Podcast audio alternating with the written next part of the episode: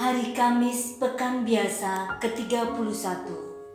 4 November 2021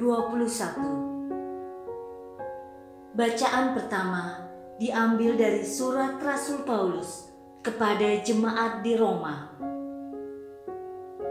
Saudara-saudara, tiada seorang pun di antara kita yang hidup untuk dirinya sendiri dan tidak ada seorang pun yang mati untuk dirinya sendiri. Sebab jika kita hidup, kita hidup untuk Tuhan. Dan jika kita mati, kita mati bagi Tuhan. Jadi, entah kita hidup, entah mati, kita tetap milik Tuhan. Sebab untuk itulah Kristus telah mati dan hidup kembali supaya ia menjadi Tuhan baik atas orang-orang mati maupun atas orang-orang hidup. Tetapi engkau, mengapakah engkau menghakimi saudaramu? Atau mengapa engkau menghina saudaramu? Sebab kita semua harus menghadap tahta pengadilan Allah. Sebab dalam kitab suci tertulis, Demi aku hidup. Demikianlah sabda Tuhan. Semua orang akan bertukuk lutut di hadapanku, dan semua orang akan memuliakan Allah. Demikianlah masing-masing di antara kita akan memberi pertanggungan jawaban kepada Allah tentang dirinya sendiri.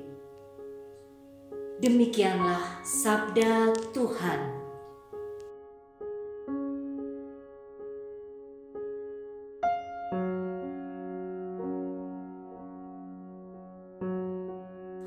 Bacaan Injil diambil dari Injil Lukas bab 15 ayat 1 sampai dengan 10. Para pemungut cukai dan orang-orang berdosa biasanya datang kepada Yesus untuk mendengarkan Dia. Maka bersungut-sungutlah orang-orang Farisi dan ahli-ahli Taurat. Katanya, Orang ini menerima orang-orang berdosa dan makan bersama dengan mereka. Maka Yesus menyampaikan perumpamaan berikut kepada mereka.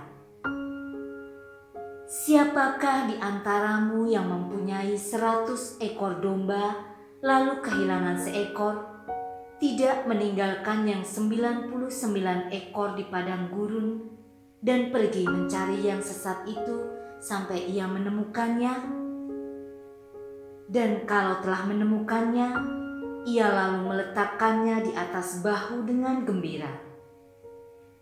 Setibanya di rumah, ia memanggil sahabat-sahabat dan tetangga-tetangganya serta berkata, Bersukacitalah bersama aku, sebab dombaku yang hilang telah kutemukan. Aku berkata kepadamu, Demikian juga akan ada sukacita di surga karena satu orang berdosa yang bertobat lebih daripada sukacita karena 99 orang benar yang tidak memerlukan pertobatan. Atau wanita manakah yang mempunyai 10 dirham lalu kehilangan satu di antaranya, tidak menyalakan pelita dan menyapu rumah serta mencarinya dengan cermat sampai ia menemukannya. Dan kalau telah menemukannya, ia memanggil sahabat-sahabat dan tetangga-tetangganya serta berkata, Bersukacitalah bersama aku, sebab dirhamku yang hilang telah kutemukan. Aku berkata kepadamu, demikian juga akan ada sukacita pada malaikat Allah karena satu orang berdosa yang bertobat. Demikianlah Injil Tuhan.